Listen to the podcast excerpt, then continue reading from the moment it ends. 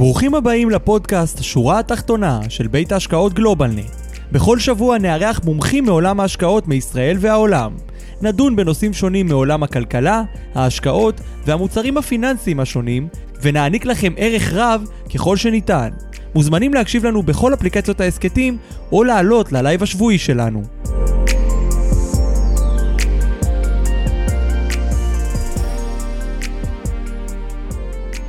שלום לכולם וברוכים הבאים לשורה התחתונה, פרק 122, כיף גדול שכולכם כאן איתנו לפרק נוסף ומיוחד של השורה התחתונה, וובינר ההשקעות של גלובלנט. כיף גדול שכולם פה לעוד פרק, אני מקווה שהפרק הזה יהיה לכם מאוד נעים. אני לא הייתי כאן באוגוסט ואני, אה, חסרתם לי מאוד, הוובינר חסר לי מאוד. אה, אני אורן דוברי, מנהל השיווק, אבל היה איתכם פה את דניאל חוגי המקסים, אה, שגם יהיה פה בסוף הפרק, אה, אבל כיף גדול לחזור ולראות את כולם, והיום אנחנו ככה בפרק מיוחד ומעניין, בין היתר, כי יש לנו את המרצים הטובים ביותר. טדי לין, מנכ"ל גלובלנט גמל, ואוהד וייגמן, יושב ראש קבוצת גלובלנט, איתנו פה היום, כדי לדבר על, אה, על השוק, איזושהי סקירת שוק, פרק שאנחנו עושים לא מעט, כי השוק כל הזמן זז ובא והולך, אה, ועולה ויורד, וזז ימינה ושמאלה ולכל הכיוונים, תקופה מאוד מרתקת ומעניינת, אבל יותר מזה חשוב לדעת מה קורה, במיוחד אם אנחנו רוצים לקבל החלטות חכמות. אז הנה, אוהד וטדי כבר כאן איתנו, כיף גדול שאתם פה איתנו. אה, רגע לפני שנתחיל, חשוב לנו, כמו תמיד, לציין אה, ולהדגיש כי אין לראות בוובינר אה, תחליף לייעוץ או שיווק פנסיוני או שיווק השקעות שמותאם לצרכי הלקוח, או ייעוץ מס, או המלצה בנוגע לכדאיות השקעה במוצר פנסיוני או פיננסי. אין לראות בוובינר, בפודקאסט, הזמנה או הצעה לביצוע פעולה כזו או אחרת. המידע המוצג אינו לידיעה ואינו מהווה תחליף לייעוץ המתחשב בנתונים ובצרכים של כל אדם וכל משפחה. בשביל זה אנחנו מזמינים אתכם, כמו תמיד, אה, להיוועץ עם אה, איש מקצוע, מתכנן פיננסי, מטעמנו או עם איש מקצוע שאתם מרגישים איתו בנוח. אז אה, רגע לפני שנתחיל, שבוע הבא, תמיד צריך לדבר גם על העתיד, שבוע הבא אנחנו פה עם דוקטור אריה חיאז, ואנחנו נדבר על אילו השקעות, אילו עולמות השקעה אה, מגנים עלינו מפני האינפלציה, איזה השקעות אפשר להסתכל עליהן כשאנחנו מסתכלים על תקופות של אינפלציה גואה. בעוד שבועיים תהיה כאן איתנו אה, ליאורה קפלן, אשת מקצוע יוצאת דופן בעולם הנדל"ן, אבל לא רק. אה, תדבר איתנו על איפה ניתן למצוא הזדמנויות בשוק הנדל"ן בשנים הקרובות. איזה שווקים יכולים להיות אולי? אשת מקצוע בתחום ההשקעות, עבדה שנים בבנק אה, לאומי, ניהלה שם אה, מחלקת הייעוץ, הייתה אחראית גם על המחקר בבנק לאומי. תודה, תודה, אוהד. עסקה בכל תחומי ההשקעה. ההרצאה של השבוע הבא תהיה על הנושא של הנדל"ן. אז הנה, אז אוהד, אה, כחלק מהניהול שלו, של ועדת ההשקעות, אה, ועדות ההשקעות של גלובלנט, מכיר את ליאורה, שהיא אשת מקצוע אה, בלתי נפרדת מהפעילות שלנו, אה, עם המון ניסיון. זה יהיה בעוד שבועיים, אבל. שבועיים. בעוד, שלוש, בעוד שלושה שבועות, מי היה מאמין? ראש השנה, אז לא היה לנו פרק, אה, בראש השנה, אבל אל תדאגו, אנחנו כבר אה, לפני סוף החודש נעדכן אתכם על לוח השידורים שלנו אה, במהלך אה, חול המועד סוכות ובכלל לאורך אוקטובר. אה, אז אה, שנת לימודים אה, חדשה שמחה לכולם. אה, איכשהו פה... יצא שהתחלנו, כן. התחלנו, איכשהו התחלנו וזה קורה, נכון? כולם בבית ספר? רובם. יפה. אה, הנה, אני כבר רואה, אה, הנה, דניאל חוגי כותב כבר, לכולם, שאם יש לכם שאלות או התלבטויות בנוגע לכל דבר, אתם כבר מוזמנים לשלוח הודעות, להירשם, אה, כדי שנחזור אליכם, אבל קודם כל, שלום להרבה אנשים טובים וחברים ולקוחות שלנו, וגם אנשים שאנחנו לא מכירים שמחוברים פה היום.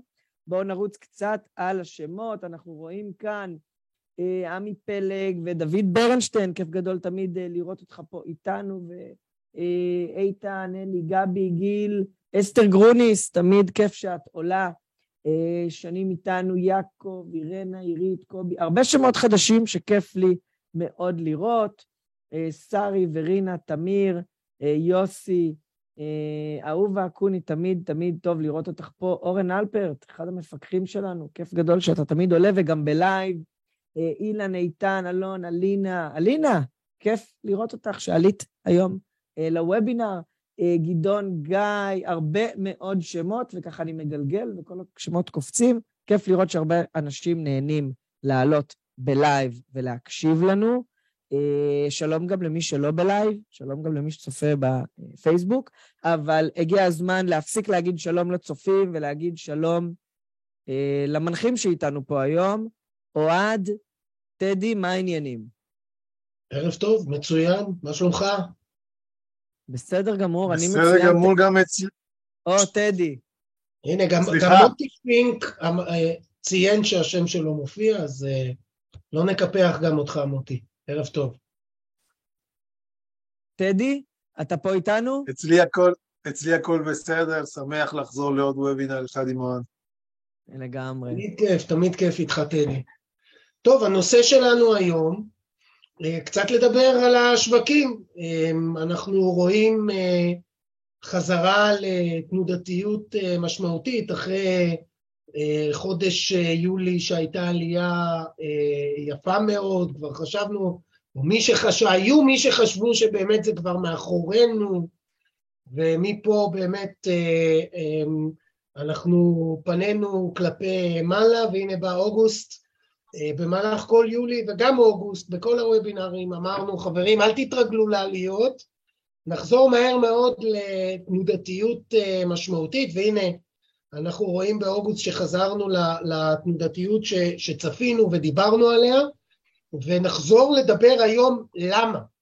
למה הדברים האלה קורים, ובעיקר בעיקר, מה אנחנו רואים קדימה, מה לדעתנו נכון לעשות אה, בתיקים כשאנחנו מסתכלים על החודשים והחודשים וה, אה, הקרובים, השנה הקרובה וכן הלאה, אה, אבל תמיד תמיד תמיד אנחנו מתחילים ממה שהיה.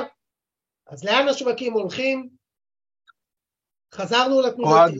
כן, בנוסף לנושא של השווקים, הייתי רוצה לשים עוד אה, שאלה אחת על השולחן, שאולי ילווה אותנו בדרך, כי בדיוק אה, אתמול בבוקר התראיינתי בנושא הזה, ונראה לי שזה מאוד מעניין, כי אנחנו, אנחנו מדברים, ואתה מדבר כבר בוובינרים על הנושא של התודעתיות. השאלה שאני רוצה לשים על השולחן זה במה משקיעים כאשר הריבית בשוק עולה, כי אנחנו נמצאים בתהליך של עלייה, ואנחנו עוד צופים שהריבית תמשיך לעלות. ואתה תדבר על כל המשתנים המקרו-כלכליים, אבל מה עושים לא רק בגלל התודעתיות, מה עושים בתהליך עליית ריבית מתמשך, מתמשך איפה משקיעים, איך משקיעים ואיך חושבים על הקדימה. אוקיי, okay, אז, אז אה, אנחנו כמובן נתייחס לזה מכיוון שזה מהותי וחשוב, וכשאנחנו מדברים על עליית ריבית אנחנו תמיד צריכים לשאול את עצמנו איזו עליית ריבית אנחנו באמת אה, צופים, יש הבדל עצום בין אה, הריבית, אם ובמידה תעלה על פי מה שהשווקים כרגע אה, מגלמים או חוזים, או שאנחנו נגיע למצב שבהם הריביות יעלו בקצב מהיר יותר, משמעותי יותר ממה שאנחנו צופים היום, ותכף נדבר על כל האינדיקציות לנושא הזה, ואנחנו, אני אגיד ככה כספוילר, אנחנו מאלה שחושבים שהריביות יעלו בצורה אגרסיבית יותר ממה שכרגע מגולם בשווקים, אז השאלה שאתה שואל ושם ככה ומניח מה שנקרא, היא שאלה הרבה הרבה הרבה יותר מהותית ואקוטית, במיוחד אם אנחנו צופים שהריביות יעלו יותר ממה שהשווקים צופים אה, נכון למועד הזה. אה, אז בואו נדבר על למה, ואחר כך נגיד על מה לדעתנו יקרה אה, בעולם הזה ומה עושים עם זה.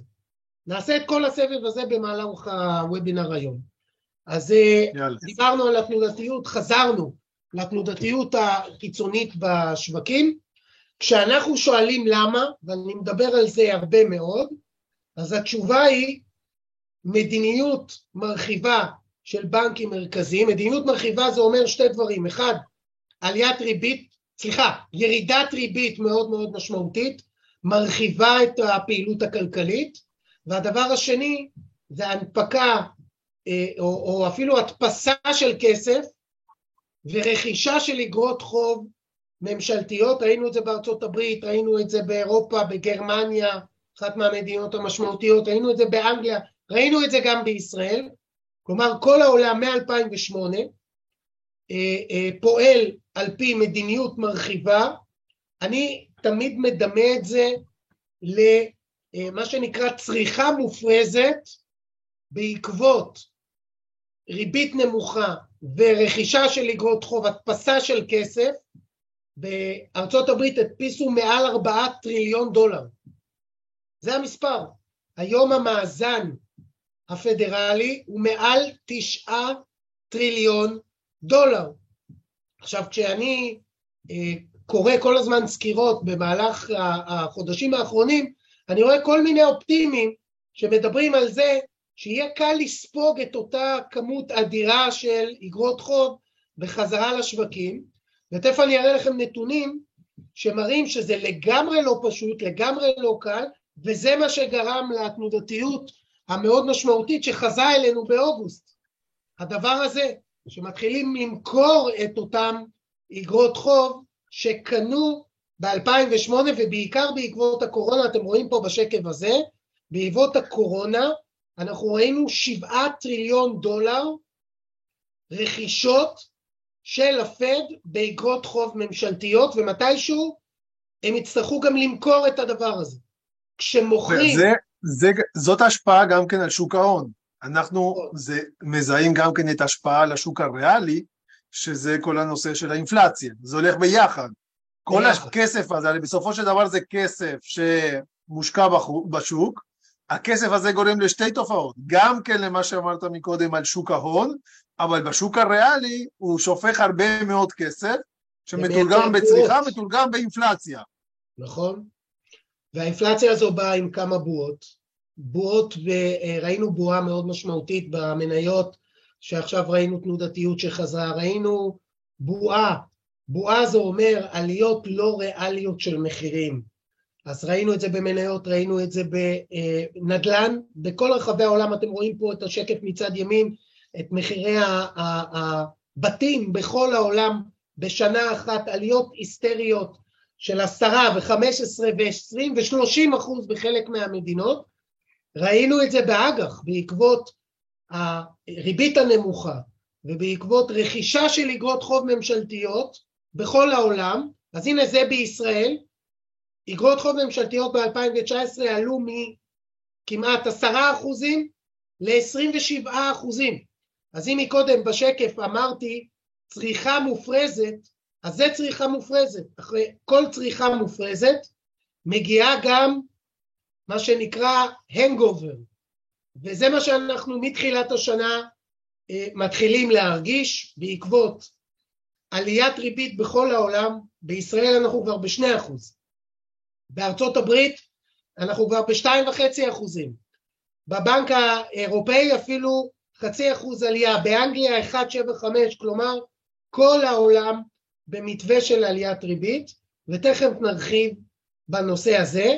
כמובן, עליית ריבית גורמת תנודתיות מאוד משמעותית, ואיתה גם ירידות מאוד משמעותיות גם במניות, אבל בעיקר בעיקר באגרות חוב. שימו לב מה קורה פה, באגרות חוב, מדד אג"ח גלובלי, כבר ב-2021 ירד כמעט חמישה אחוזים. השנה כמעט מינוס 15 אחוז באג"ח גלובלי, תכף נראה עוד קצת נתונים במקום הזה. גם בישראל, מדד אג"ח כללי, מינוס חמש וחצי, כמעט חמש נקודה שש, אבל שימו לב, אג"ח ממשלתי בישראל מינוס שבעה אחוזים. וזה בשור. לא שומעים אותך, טדי, אם אתה רוצה לומר... הנה, בבקשה. כן, שמתי, שמתי מיוט לרגע כדי לא להפריע. בבקשה. אבל תסביר לי למה. למה, למה אגרות חוב הללו צריכות לרדת? למה השווי של איגרת החוב בסופו של דבר יורדת? בגלל התופעות שדיברת קודם. איך זה מסתדר? זוכר מה שראית מקודם, את זה שהמחיר של אגרות החוב בישראל עלה בין עשרה אחוז לעשרים אחוז ויותר? כלומר, אם כשאנחנו מורידים ריבית וקונים אגרות חוב בכמויות מטורפות, אנחנו רואים רווח הון עצום, רווחים עצומים באגרות חוב שלא אמורים להיות, אז כשאנחנו רואים בדיוק הפוך, עליית ריבית והתחלה של מכירה של אגרות חוב, בארצות הברית כבר התחילו למכור אגרות חוב, תכף נראה את הנתונים, אז אנחנו רואים בדיוק הפוך, רואים הפסדים עצומים באגרות חוב, גם כשמדדי המניות בישראל, תסתכל, מדדי המניות בישראל מתחילת שנה חיוביים, אז גם כשמדדי המניות בישראל חיוביים בתנודתיות גבוהה, עדיין התנודתיות באג"ח היא הרבה יותר משמעותית, כי כשאנחנו רואים... אני חושב שבעיקר בעיקר חשוב מאוד לתרגם את זה, זה מחיר אלטרנטיבי. בסופו של דבר המחיר האלטרנטיבי של האיגרת חוב הישנה הוא הרבה פחות מפתה מהמחיר של האיגרת חוב החדשה או מהריבית הנוכחית. היום אפשר להפקיד פיקדון בבנק בריבית יותר גבוהה מאיגרות חוב שהונפקו לפני שנתיים שלוש בריביות מאוד מאוד נמוכות. ועדיף לי לקנות ש... חדשות ולא את הישנות. נכון. בוא נזכור שרוב האג"חים שהונפקו בשנים האחרונות היו בריבית קבועה ולא משתנה, ולכן הריבית, הריבית הנקובה לאיגרת חוב היא מאוד נמוכה, ורוב האיגרות חוב הן גם כן לא צמודות מדד. לכן אם מילא היה צמוד מדד כמו 20 או 30 שנה, אז אה, זה היה מדביק את התשואה. אבל זה אומר שהתשואות של האיגרות חוב הישנות... אני תכף אראה לך נתונים של איגרות חוב צמודות בישראל. אז, אז רגע לפני אבל, אז אם, אם, אם לפחות היה צמוד, חלק מהפער היה נסגר, אבל אנחנו מדברים על אגרות חוב בריבית קבועה, לא צמודות למדד, בחברות בסופו של דבר, בחלקם גם כן, מאוד מאוד ממונפות, כי בשנים האחרונות החברות העלו מאוד את, את, את המינוף שלהם, וברור שפה אנחנו מדברים על הסל הכללי כדי לקבל בבד, בתוך, בתוך המפה הזאת יש מן הסתם חברות עם הרבה יותר מ-4 אחוז, ויש חברות מן הסתם מפחות, אבל זה איזשהו ממוצע כללי של כל האגרות חוב. נכון. עכשיו שים לב שאנחנו uh, מדברים ככה בנונשלנטיות על uh, הפערים בין מניות לבין אגרות חוב, אני רק מזכיר שאנחנו לא אמורים לראות כאלה תנוד, תנודתית, תנודתיות כזו באגרות חוב. זה לא מה שאמור להיות. אנחנו מצפים מאגרות חוב לתת לנו הכנסה קבועה, כי מה זה איגרת חוב? זה הלוואה שאני נותן, אם זה למדינה, אני נותן למדינה הלוואה ואני מצפה לקבל ריבית. אם במקום זה פתאום אני מקבל רווחי הון מאוד משוגעים, ואחרי כמה שנים פתאום אני רואה הפסדי הון מאוד משוגעים, תנודתיות כזו, אז כבר עדיף לי להיות במניות בתנודתיות כזו, ולא בפוטנציאל, הנה תראה אפילו המניות בישראל במגמה חיובית, אז אה, אם כבר תנודתיות, אז כבר עדיף אה, אה, אה, במניות, והכל משתגע, קודם כל מה שאתה אמרת מקודם, נושא של האינפלציה. האינפלציה פה משגעת את העולם, ראינו אינפלציה בארצות הברית שהגיעה לכבר 9.1 אחוז, אז חודש אחרי היא ירדה ל-8.5 אחוז. באירופה ראינו עלייה, הנתון האחרון, 9.1 אחוזים, בריטניה, כבר לא באירופה, מעל עשרה אחוזים, דרך אגב בשני המקומות האלה צופים עלייה לאינפלציה דו-ספרתית, בבריטניה כבר מדברים על 12 עד 14 אחוז. אינפלציה, בריטניה, ובאיחוד האירופאי מדברים על מעל 10 אחוזים, 10-11 אחוזים אה, אה, באינפלציה של אה, האיחוד האירופאי, הבעיה בין שתי המקומות האלה, זה, זה, יש פה הבדל עצום, כי אנחנו רואים בבריטניה, ראינו מקודם, הריבית כבר 1.75, וכמה הריבית באירופה? חצי אחוז בלבד. למה? כי באירופה הרבה יותר קשה להעלות ריבית מאשר בשאר המקומות בעולם, כמו בארצות הברית, בישראל, באנגליה, שם הכלכלה הרבה יותר גמישה, ורמת החוב היא הרבה יותר נמוכה. אירופה נמצאת בבעיית חוב מאוד מאוד מאוד אה, משמעותית, וגם בישראל כבר עלינו ל-5.2 אחוז אינפלציה, ולמרות שאנחנו כבר רואים קדימה, כשמסתכלים שנה קדימה, אנחנו כבר רואים שכל אותם מרכיבי אינפלציה, או שחלק ממרכיבי האינפלציה שגרמו ועדיין לעלייה משמעותית, בעיקר הנושא של הסחורות, המזון, נושא האנרגיה, הבעיה שהייתה במהלך הקורונה, שאי אפשר היה לשנע סחורות ממקום למקום, בעיות במה שאנחנו קוראים שרשרת האספקה, אנחנו כבר עכשיו רואים הקלה במדדים האלה של עלויות השילוח ונושא של מחירי הנפט, כבר ראינו ירידה אה, אה, בדלק בישראל ובשאר המדינות בעולם, אז אנחנו מסתכלים קדימה, אנחנו רואים שנה קדימה, שנתיים קדימה, הקלה בקצב האינפלציה, כלומר אנחנו לא צופים שהאינפלציה תהיה שמונה ותשעה אחוזים עוד שנה, עוד שנתיים. הייתי רוצה לעשות, הייתי רוצה לעשות איזשהו חידוד, אגב איזשהו מאמר של דוקטור ארי אריה שקראתי אתמול, מאוד מעניין בשיחה איתו, שהוא מסביר בעצם זה שיש שתי מקורות אה, שונים לאינפלציה. האינפלציה הזאת, יש אינפלציה שמגיעה מעליית מחירי הסחורות, כמו מה שדיברת, המלחמה עם רוסיה, מחירי, מחיר הנפט ומחיר הסחורות המסוימות, ויש את האינפלציה שמגיעה ממה שדיברנו מקודם, שזה שזה נשפך הרבה, נשפך הרבה מאוד כסף לשוק, ואז יש כסף ולכן זה אינפלציה צרכנית.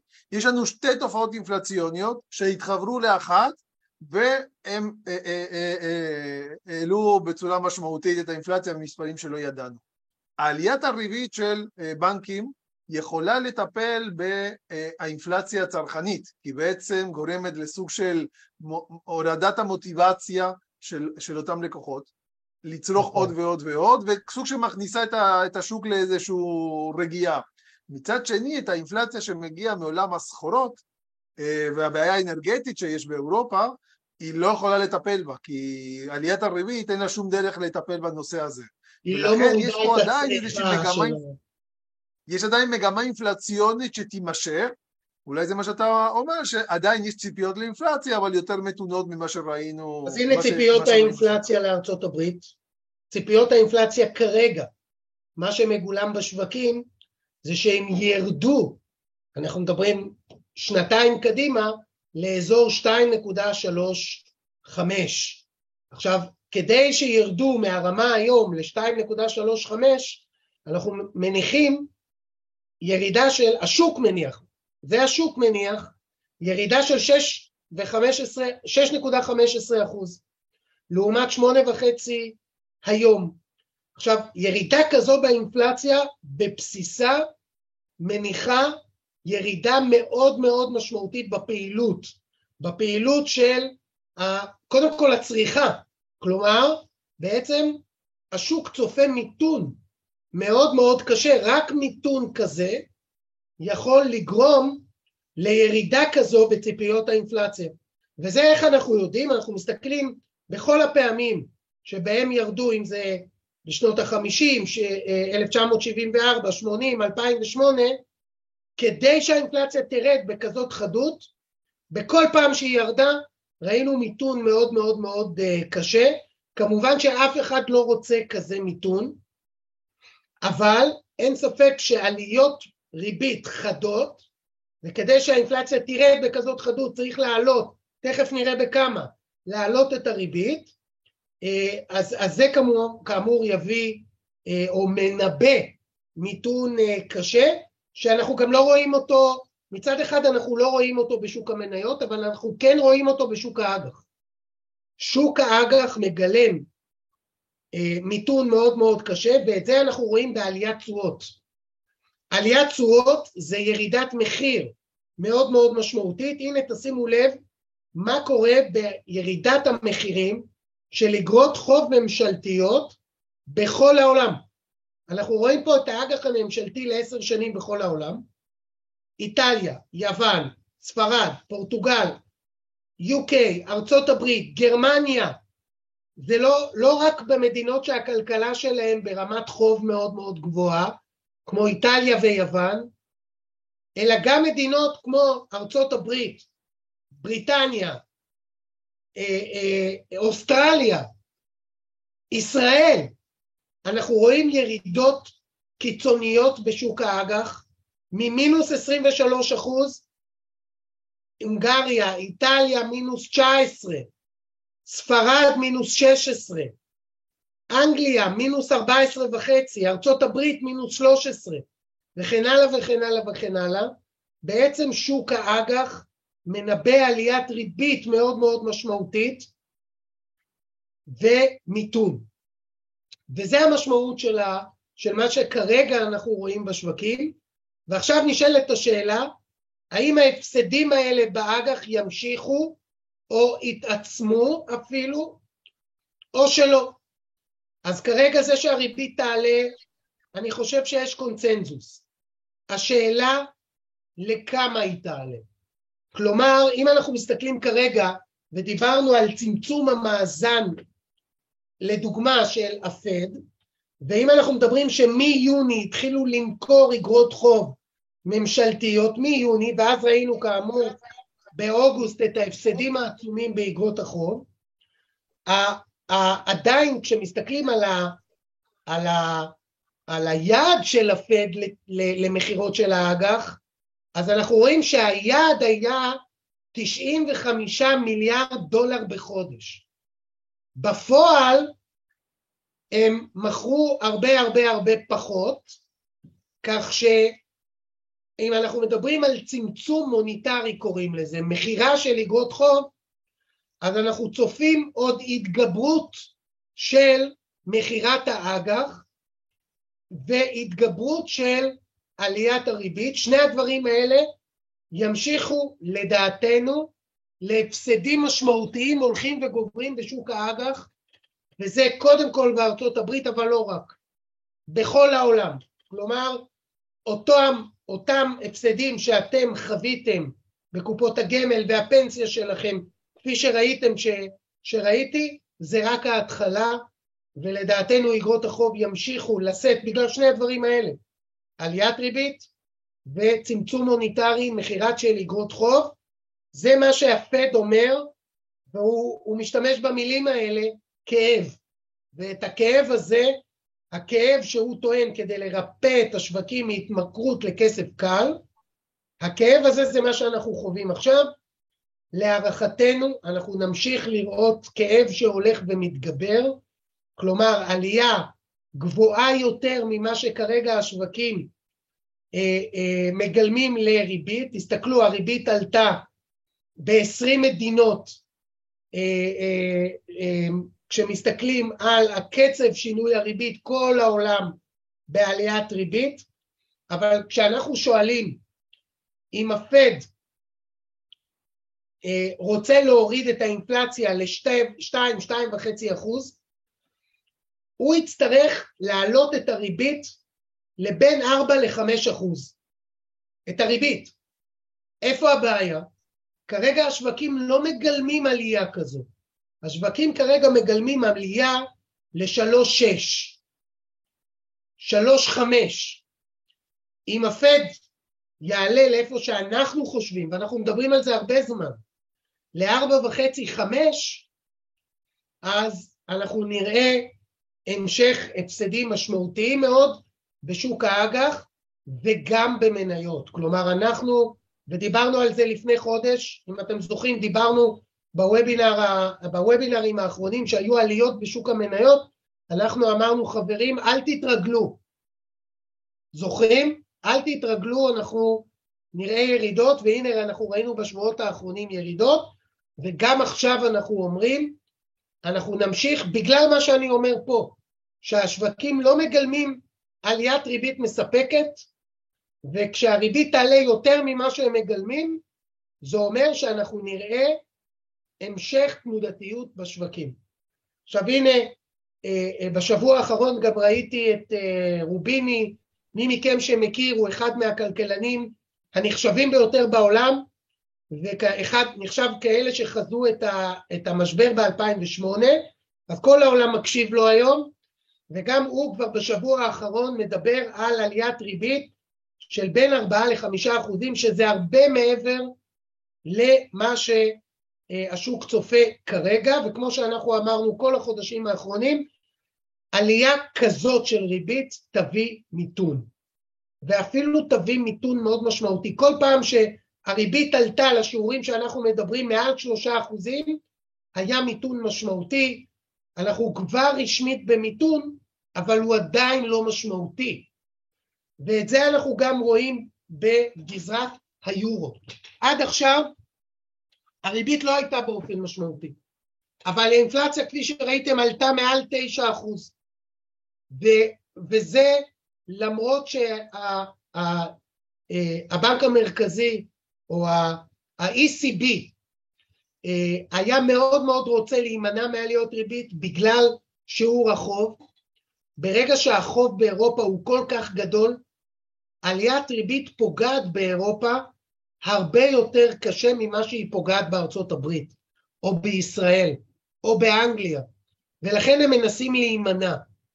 ועדיין אה, כרגע השווקים מגלמים עליית ריבית לאזור 1.6, אני חושב שהיא תהיה יותר מזה, אפילו יותר משני אחוז, כי פשוט אין להם, אה, אה, אין להם ברירה. עכשיו, ראינו בשבועות האחרונים שאירופה הצטרפה להפסדים בשוק האג"ח כפי שהיה בארצות הברית, כך שאם אנחנו מדברים על מה להשקיע, לא באגרות חוב ובטח לא באירופה. לא בממשלתי, לא בקונצרני, בטח לא בממשלתי. ממשלתי הכי גרוע בכל העולם. והריבית צפויה לעלות בדיון הקרוב לדעתנו ב-0.75 ובכל העולם, גם באירופה שלא ראינו עליות הריבית עד עכשיו, בישראל המצב הוא מאוד מבלבל, כי אנחנו רואים את ישראל... רגע המדינה... לפני, אוהד, רגע לפני ישראל נראה לי משהו חשוב, דיברת על אירופה, ואני נותן לך לנשום לשתי, דק, לשתי דקות שתנשום. תודה רבה. Uh, משהו שראינו גם כן, אנחנו פחות מדברים בדרך כלל על שערי מטבע. אנחנו תמיד אומרים שערי מטבע זה משהו מאוד תנודתי, מאוד קשה לצפות, ואנחנו לא מאלה שאוהבים להשקיע ספציפית בפוזיציות במטבע. הנה הגעת, זה מה שהקדמתי אותך. כן, בבקשה. אבל השינוי שראינו בסופו של דבר ביורו, וכולנו מכירים כי מי, מי בעיקר טס בקיץ או לא לאירופה, ראינו בעצם את הירידת מחירים היחסית, בטח כלפי השקל, בגלל שאין מה לעשות כאשר הריביות עולות בעולם, באירופה לא, זה לא עולה, היורו נשחק, והיורו הגיע לרמות שנראה לי היום ראיתי אחד, מתחת לאחד אחד מול הדולר, ואצלנו באמת אה, מאוד מאוד מאוד אה, שלוש וחצי, או באזורים של השלוש ארבע, שלוש וחצי, שלוש שש, לא זוכר בדיוק, מטורף. אבל מאוד משמעותית הירידה.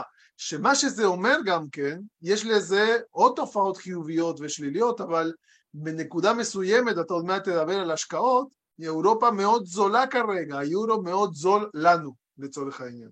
לצריכה, לצריכה של מי שבא עם שקל. ולרכישה של נכסים. נכון. בהקשר של נכסים, אפרופו מה כן להשקיע, לא באג"ח, אבל יכול להיות שנכסים באירופה זה הופך להיות מאוד משמעותי, תכף נדבר על מה, על מה כן.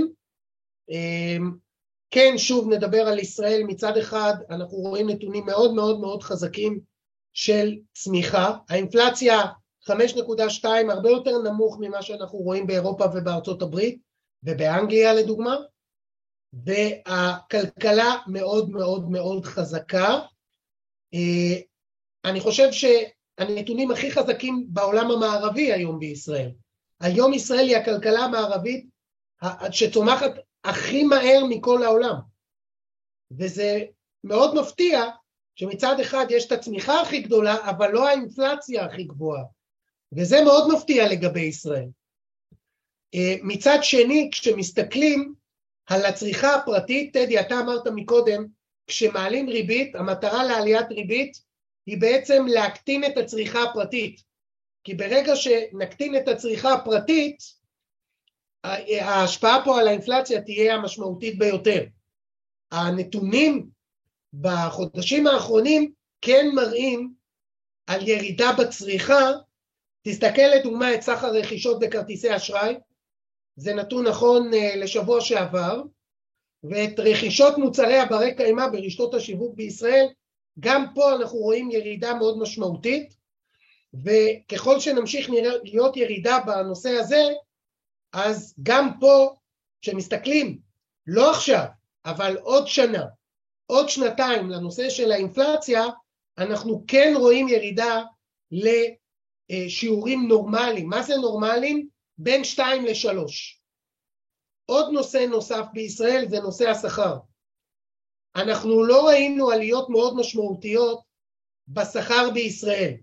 אז נכון עכשיו אנחנו רואים, כמו עם המורים, אה, עלייה משמעותית מאוד של השכר של המגזר הציבורי, אבל אנחנו לא רואים את זה בצורה cross the board מה שנקרא, לכל המשק, ופה אנחנו נצטרך להמשיך ולעקוב אחרי השכר, כי אם השכר יעלה, אז הבנק המרכזי יצטרך להעלות יותר ריבית בשביל להילחם בצריכה המקומית, כי שכר שעולה מעודד צריכה, ו, ופה הבנק המרכזי יהיה מאוד מאוד מאוד רגיש לנתונים האלה ולכן גם אנחנו עוקבים על הנושא הזה.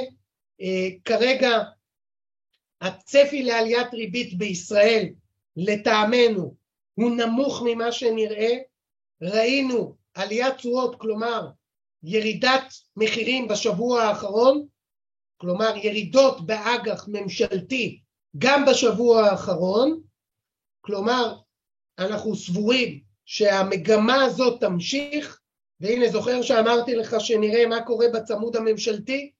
תסתכל, למטה אפשר לראות, אתה אמרת לגבי הצמוד שנותן איזשהו פיצוי על הירידות באג"ח. תסתכל, אג"ח ממשלתי צמוד ירד במין, יותר ממינוס שמונה אחוז. אתה רואה, טדי? פה למטה? מינוס שמונה נקודה שלוש חמש. עכשיו תחשוב, כמה אג"ח ממשלתי יש בתיקי הגמל? הפנסיה, ההשתלמות שלנו, של כולנו. אנחנו יודעים שזה גם תלוי, ככל שאני יותר מבוגר, משקיעים יותר באג"ח ממשלתי. מצד שני, אנחנו רואים שזה נייר הערך הכי תנודתי שיש, אפילו יותר תנודתי ממניות. אז מצד אחד ככל שאני יותר מבוגר, אני מחזיק יותר אג"ח ממשלתי, מצד שני אני רואה שזה יותר תנודתי אפילו ממניות. אז יש פה איזושהי אנומליה בהקשר הזה של אגרות החוב, הנה זה מה שדיברת על, ה, על הנושא הזה.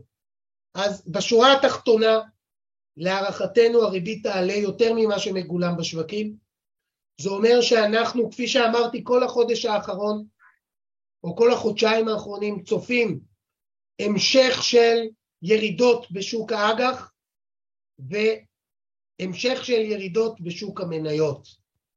אה, אולי אפילו הרבה יותר בחדות ממה שראינו אה, עד כה, אבל כפי שאמרתי, נכון שהכי מעניין לדבר על מניות, אבל 60, 70, 80 אחוז מהתיק אני מניח שלמרבית מהצופים, יש פה 90 צופים, טדי. בוא נעריך שלפחות 60-70 אחוז מהתיק שלהם זה אג"ח, והרוב זה אג"ח ממשלתי, אז בוא נדבר על מה כן. מה כן להשקיע?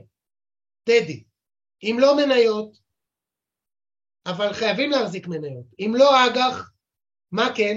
מה דעתך? זה בדיוק הזמן נראה לי נכסים ריאליים, נכסים ריאליים שמניבים תשואה לאורך זמן.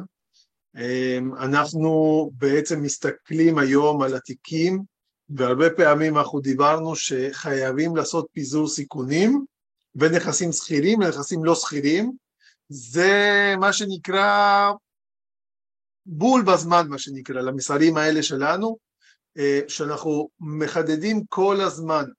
אה, אנחנו רואים את זה שזה המוטיב החוזר בתיקים הגדולים שהגופים מנסים לייצר יותר ויותר אה, יציבות בתיקים, דרך בעצם השקעות אלטרנטיביות, נכסים מניבים, אה, ואנחנו ממש חיים את השוק הזה ואנחנו רואים אותו כמה הוא אה, בעצם מציל, מציל או הציל את הלקוחות שהשקיעו במוצרים הללו בתקופה האחרונה ונמנעו מכל התנודתיות הפסיכית הזאת שהייתה בחודשים האחרונים. אוקיי, אז, אז זה בדיוק האנומליה שאנחנו רואים בשווקים. מצד אחד, אנחנו מדברים על נכסים שהתנודתיות שלהם היא יותר נמוכה מהתנודתיות השכירים, מהנכסים השכירים, שכירים הכוונה מניות ואג"ח, אז אנחנו רואים תנודתיות שהולכת ועולה בנכסים שכירים, ואנחנו רואים תנודתיות מאוד נמוכה בנכסים לא שכירים. עכשיו אם הייתי מצפה שהפוטנציאל תשואה, שהתמורה שאני מקבל בנכסים עם התנודתיות הנמוכה יהיה נמוך משמעותית ממה שיש בשוק ההון, פה אנחנו רואים שזה בדיוק הפוך. ככל שהנכס פחות תנודתי, אנחנו, או לא ככל, אבל ביחס לניירות ערך בשוק, אנחנו רואים דווקא שהוא מניב יותר. כלומר, הוא גם מניב יותר תשואה ותנודתיות יותר נמוכה. עכשיו בואו בוא נדבר על דוגמאות. דרך אגב, ככה זה נראה. לדוגמה, קרן אשראי.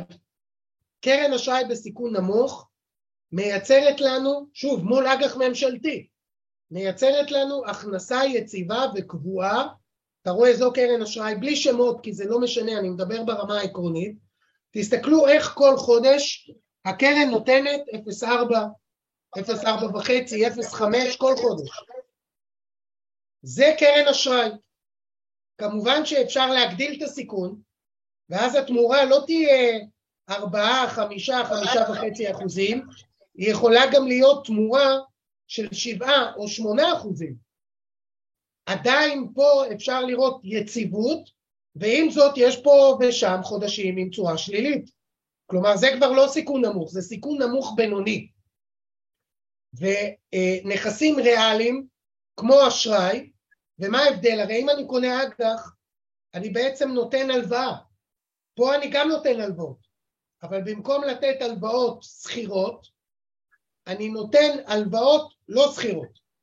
אז מצד אחד אני מוותר על הנזילות, כלומר אני לא נזיל, כי אני משקיע בקרן אשראי, היא נותנת הלוואות, אני לא יכול חודש, חודשיים, שלוש אחרי לבוא ולהגיד תנו לי את הכסף חזרה, כי הכסף הזה נותנים אותו כהלוואות, הלוואות לתקופה של שנה, הלוואות לתקופה של שנתיים, מסוגים שונים, אני לא יכול לבוא לקבל את הכסף שלי, כלומר אני צריך לוותר על הנזילות.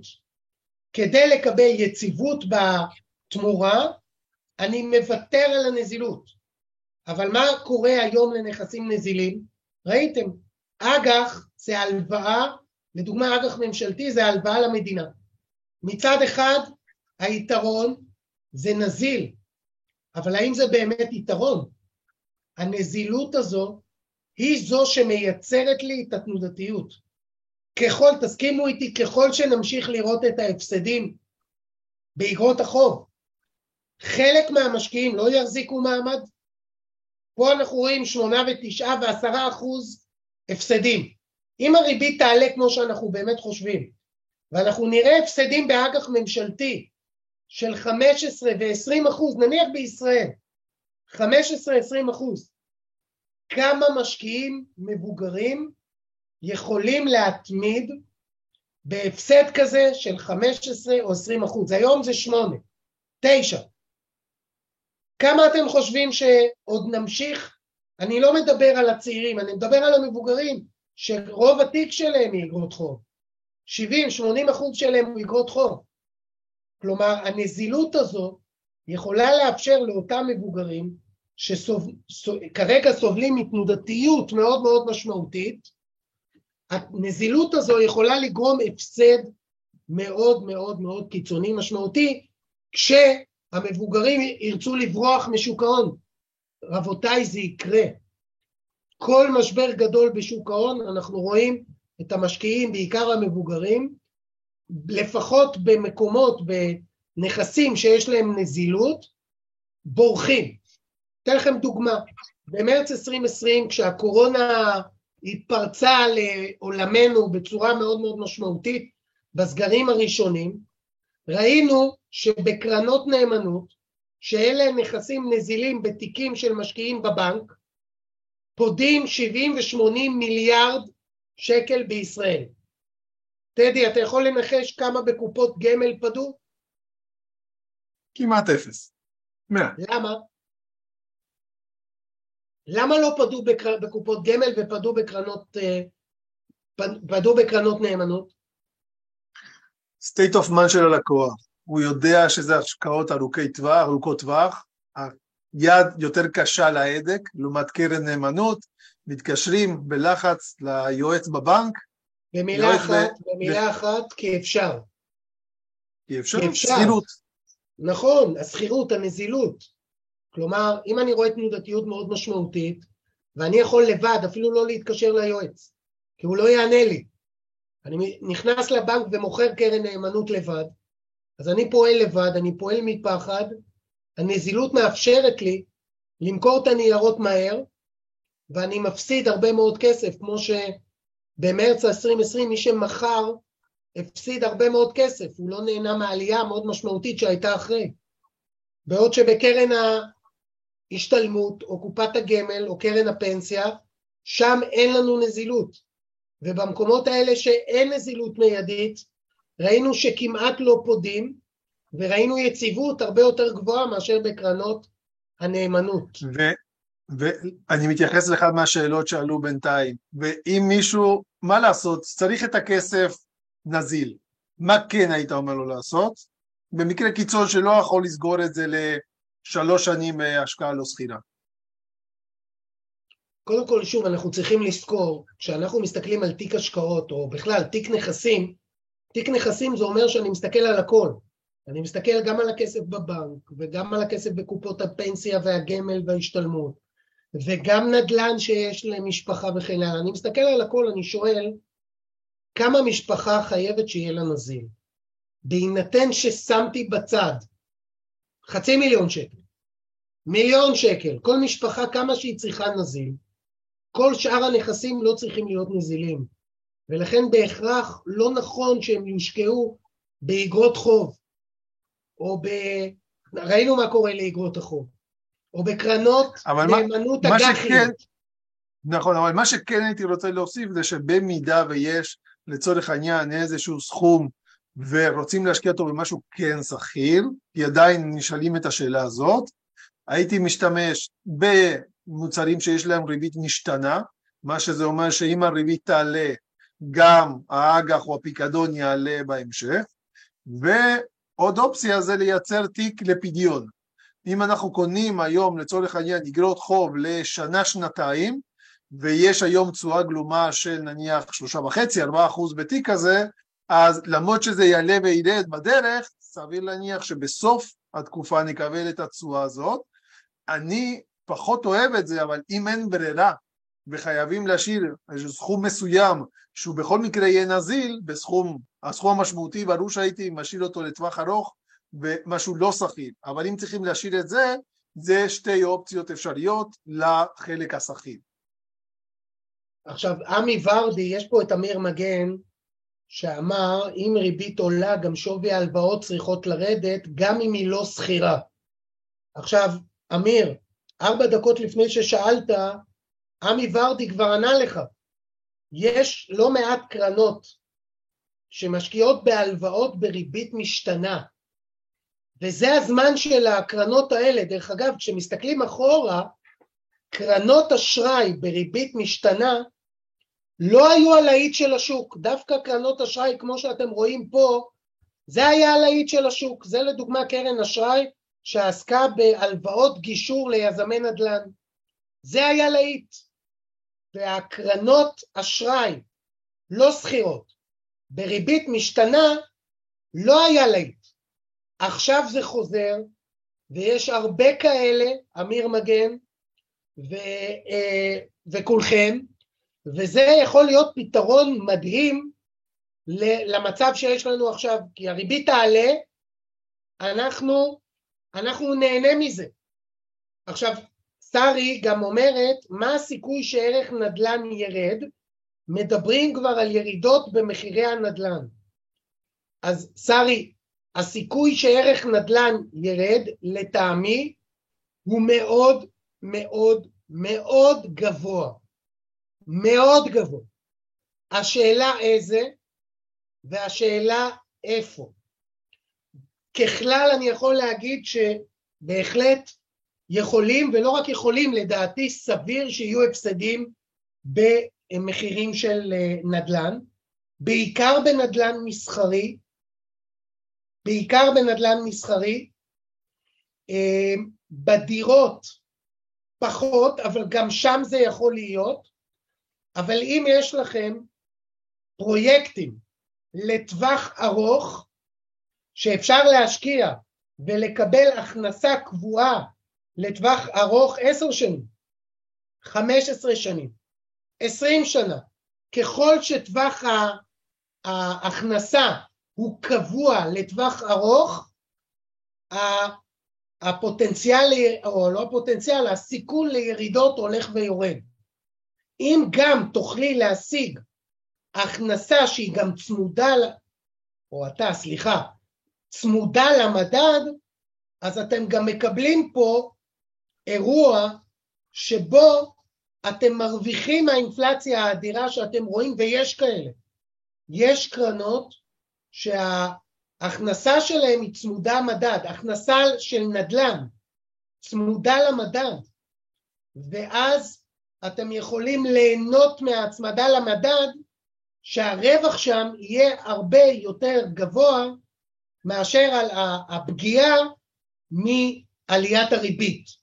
שוב, כאמור, תלוי באמת כמה הריבית תעלה, אבל משהו, זה בטח... משהו גם לגבי הנושא של הנדל"ן, שוב פעם, צריך להפריד, אנחנו בדרך כלל כשאומרים נדל"ן מיד חושבים על הארץ, אנחנו הרבה פעמים מדברים על נדל"ן במדינות אחרות, כי אנחנו גם מתעסקים בנדל"ן במדינות בחו"ל, אבל השאלה אה, אה, של שרי, שנראה לי שזה מדברים על נדל"ן בארץ, אני לא חושב, זו הערכה אישית שלי, שיהיו ירידות משמעותיות במחיר הנדל"ן, מה שכן, נראה לי שלא יהיו העליות שראינו ב-10-15 שנים האחרונות. תהיה התמתנות ועליית הנדל"ן. עדיין מדינת ישראל היא מדינה שאוכלוסייה גדלה, מדינה חזקה, כמו שאוהד הראה מקודם, עם אה, אחת המדינות הבודדות אה, המתפתחות שגדלה, שגם כן המבנה אוכלוסייה שלה הוא כזה שכל הזמן יש דירות בביקוש לנדל"ן, עם מעט שטח בנייה, במעט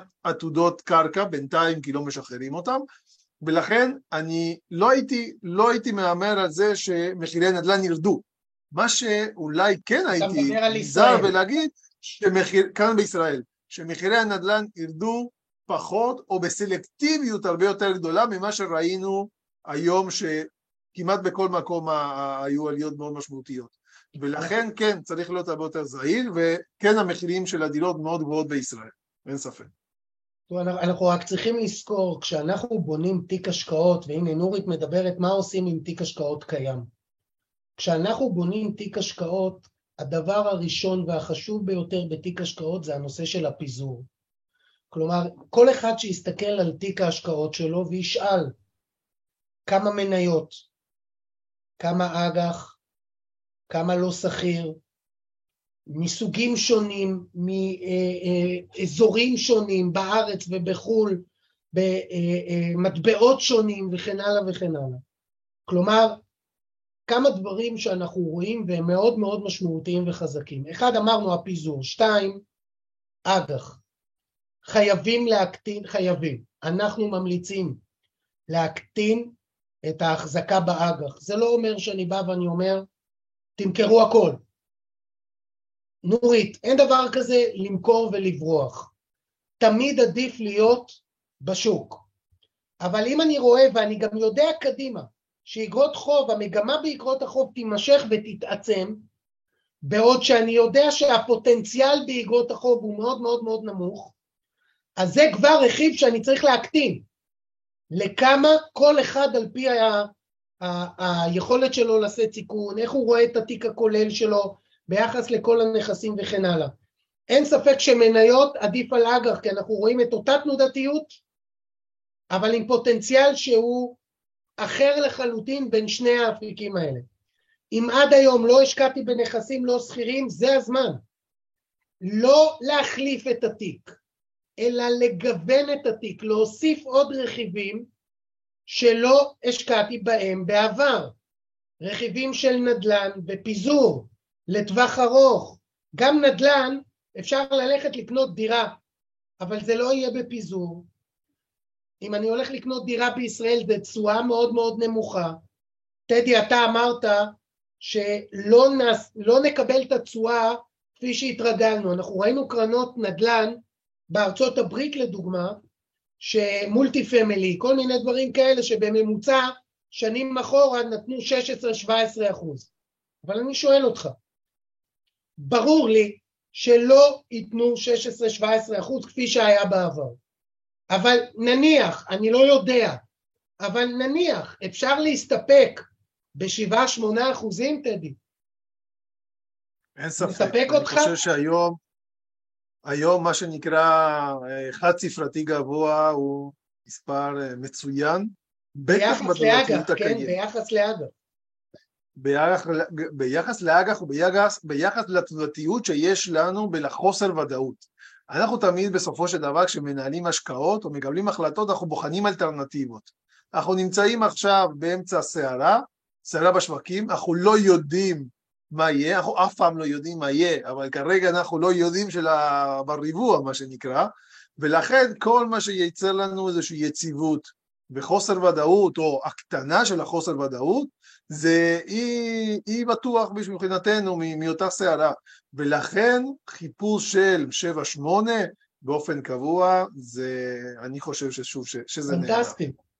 תשווה את זה לאג"ח שהתשואה הפנימית בו היא אה, שתיים וחצי שלוש עם תנודתיות מטורפת, אז יש לך פה משהו עם תנודתיות הרבה יותר נמוכה ופוטנציאל ולדרך נענה כבר למוטי ולדרך נענה כבר למוטי בבקשה. שהוא שואל לגבי הפקדונות, לגבי פקדונות. עכשיו, אין, כן. קרה משהו נהדר בחודש האחרון. סוף סוף הבנקים משלמים משהו על פקדונות. כאילו זה. פשוט, אנחנו מופתעים מזה. נכון. הבנקים לאורך שנים כבר אה, הרגילו אותנו שלא מקבלים כלום על פקדונות, משהו הזוי, שמים את הכסף, לא מקבלים שום תמורה. אז עכשיו התחילו לתת משהו. קודם כל נותנים מעט מדי, אוקיי? מה שנותנים הבנקים זה פשוט מאוד מאוד נמוך, לא רוצה להשתמש ב... כן, אה, אה, מילות, אה, מילות אה, יחס, אבל פשוט זה, זה, זה, זה מחירים מאוד מאוד נמוכים.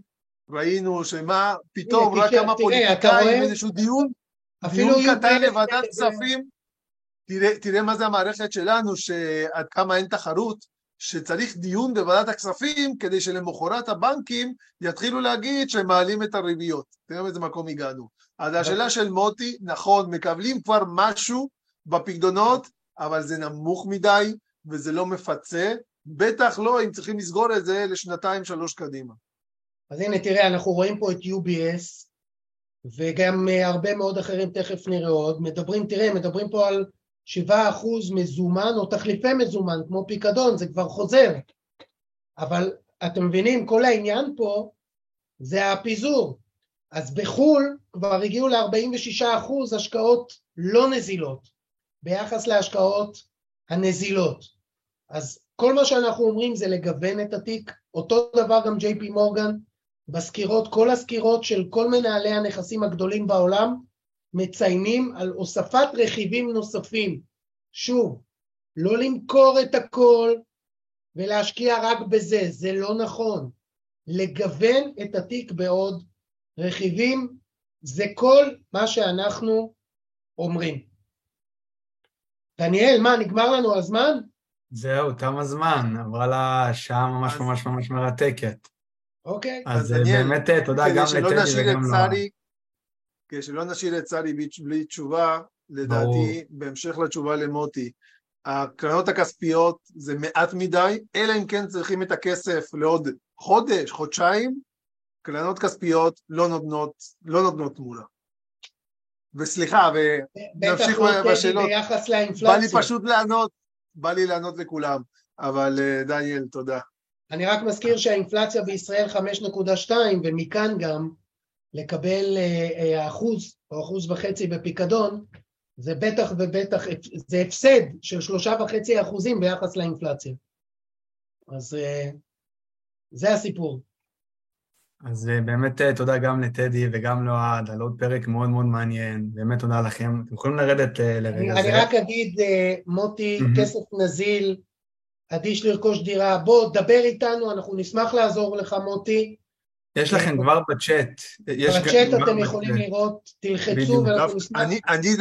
אני, דווקא, מאוד מתחבר לשאלה של דוד על הנושא של הרגולציה בהשקעות אלטרנטיביות, הוא שאל ממש בדקה ה-95.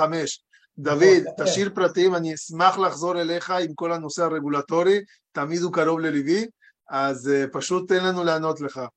זה מאוד חשוב. הנושא הרגולטורי הוא מאוד מאוד חשוב ומהותי, אני מסכים. לחלוטין. אז uh, תודה רבה לכל הצופים שלנו, וכמובן לטדי ולאוהד על פרק מרתק, ולכל שאלה הצופים יקרים, אתם מוזמנים uh, להיכנס ללינק, להשאיר את הפרטים שלכם, ואיש מטעמנו יחזור אליכם בהקדם. אז נתראה בפרק הבא, להתראות. תודה רבה. תודה טדי, רבה. כאן מגיע לסיומו עוד פרק מלא ערך של הפודקאסט השורה התחתונה מאת בית ההשקעות גלובלנט. תודה רבה שהייתם איתנו והאזנתם לפרק. אתם מוזמנים לבקר אותנו באתר האינטרנט שלנו globalnetil.com, לעקוב אחרינו בעמוד הפייסבוק שלנו GlobalNet Investment House וללחוץ לייק כדי לעקוב אחרינו. כל הפרקים של השורה התחתונה זמינים בערוץ היוטיוב של גלובלנט. להתראות בפעם הבאה.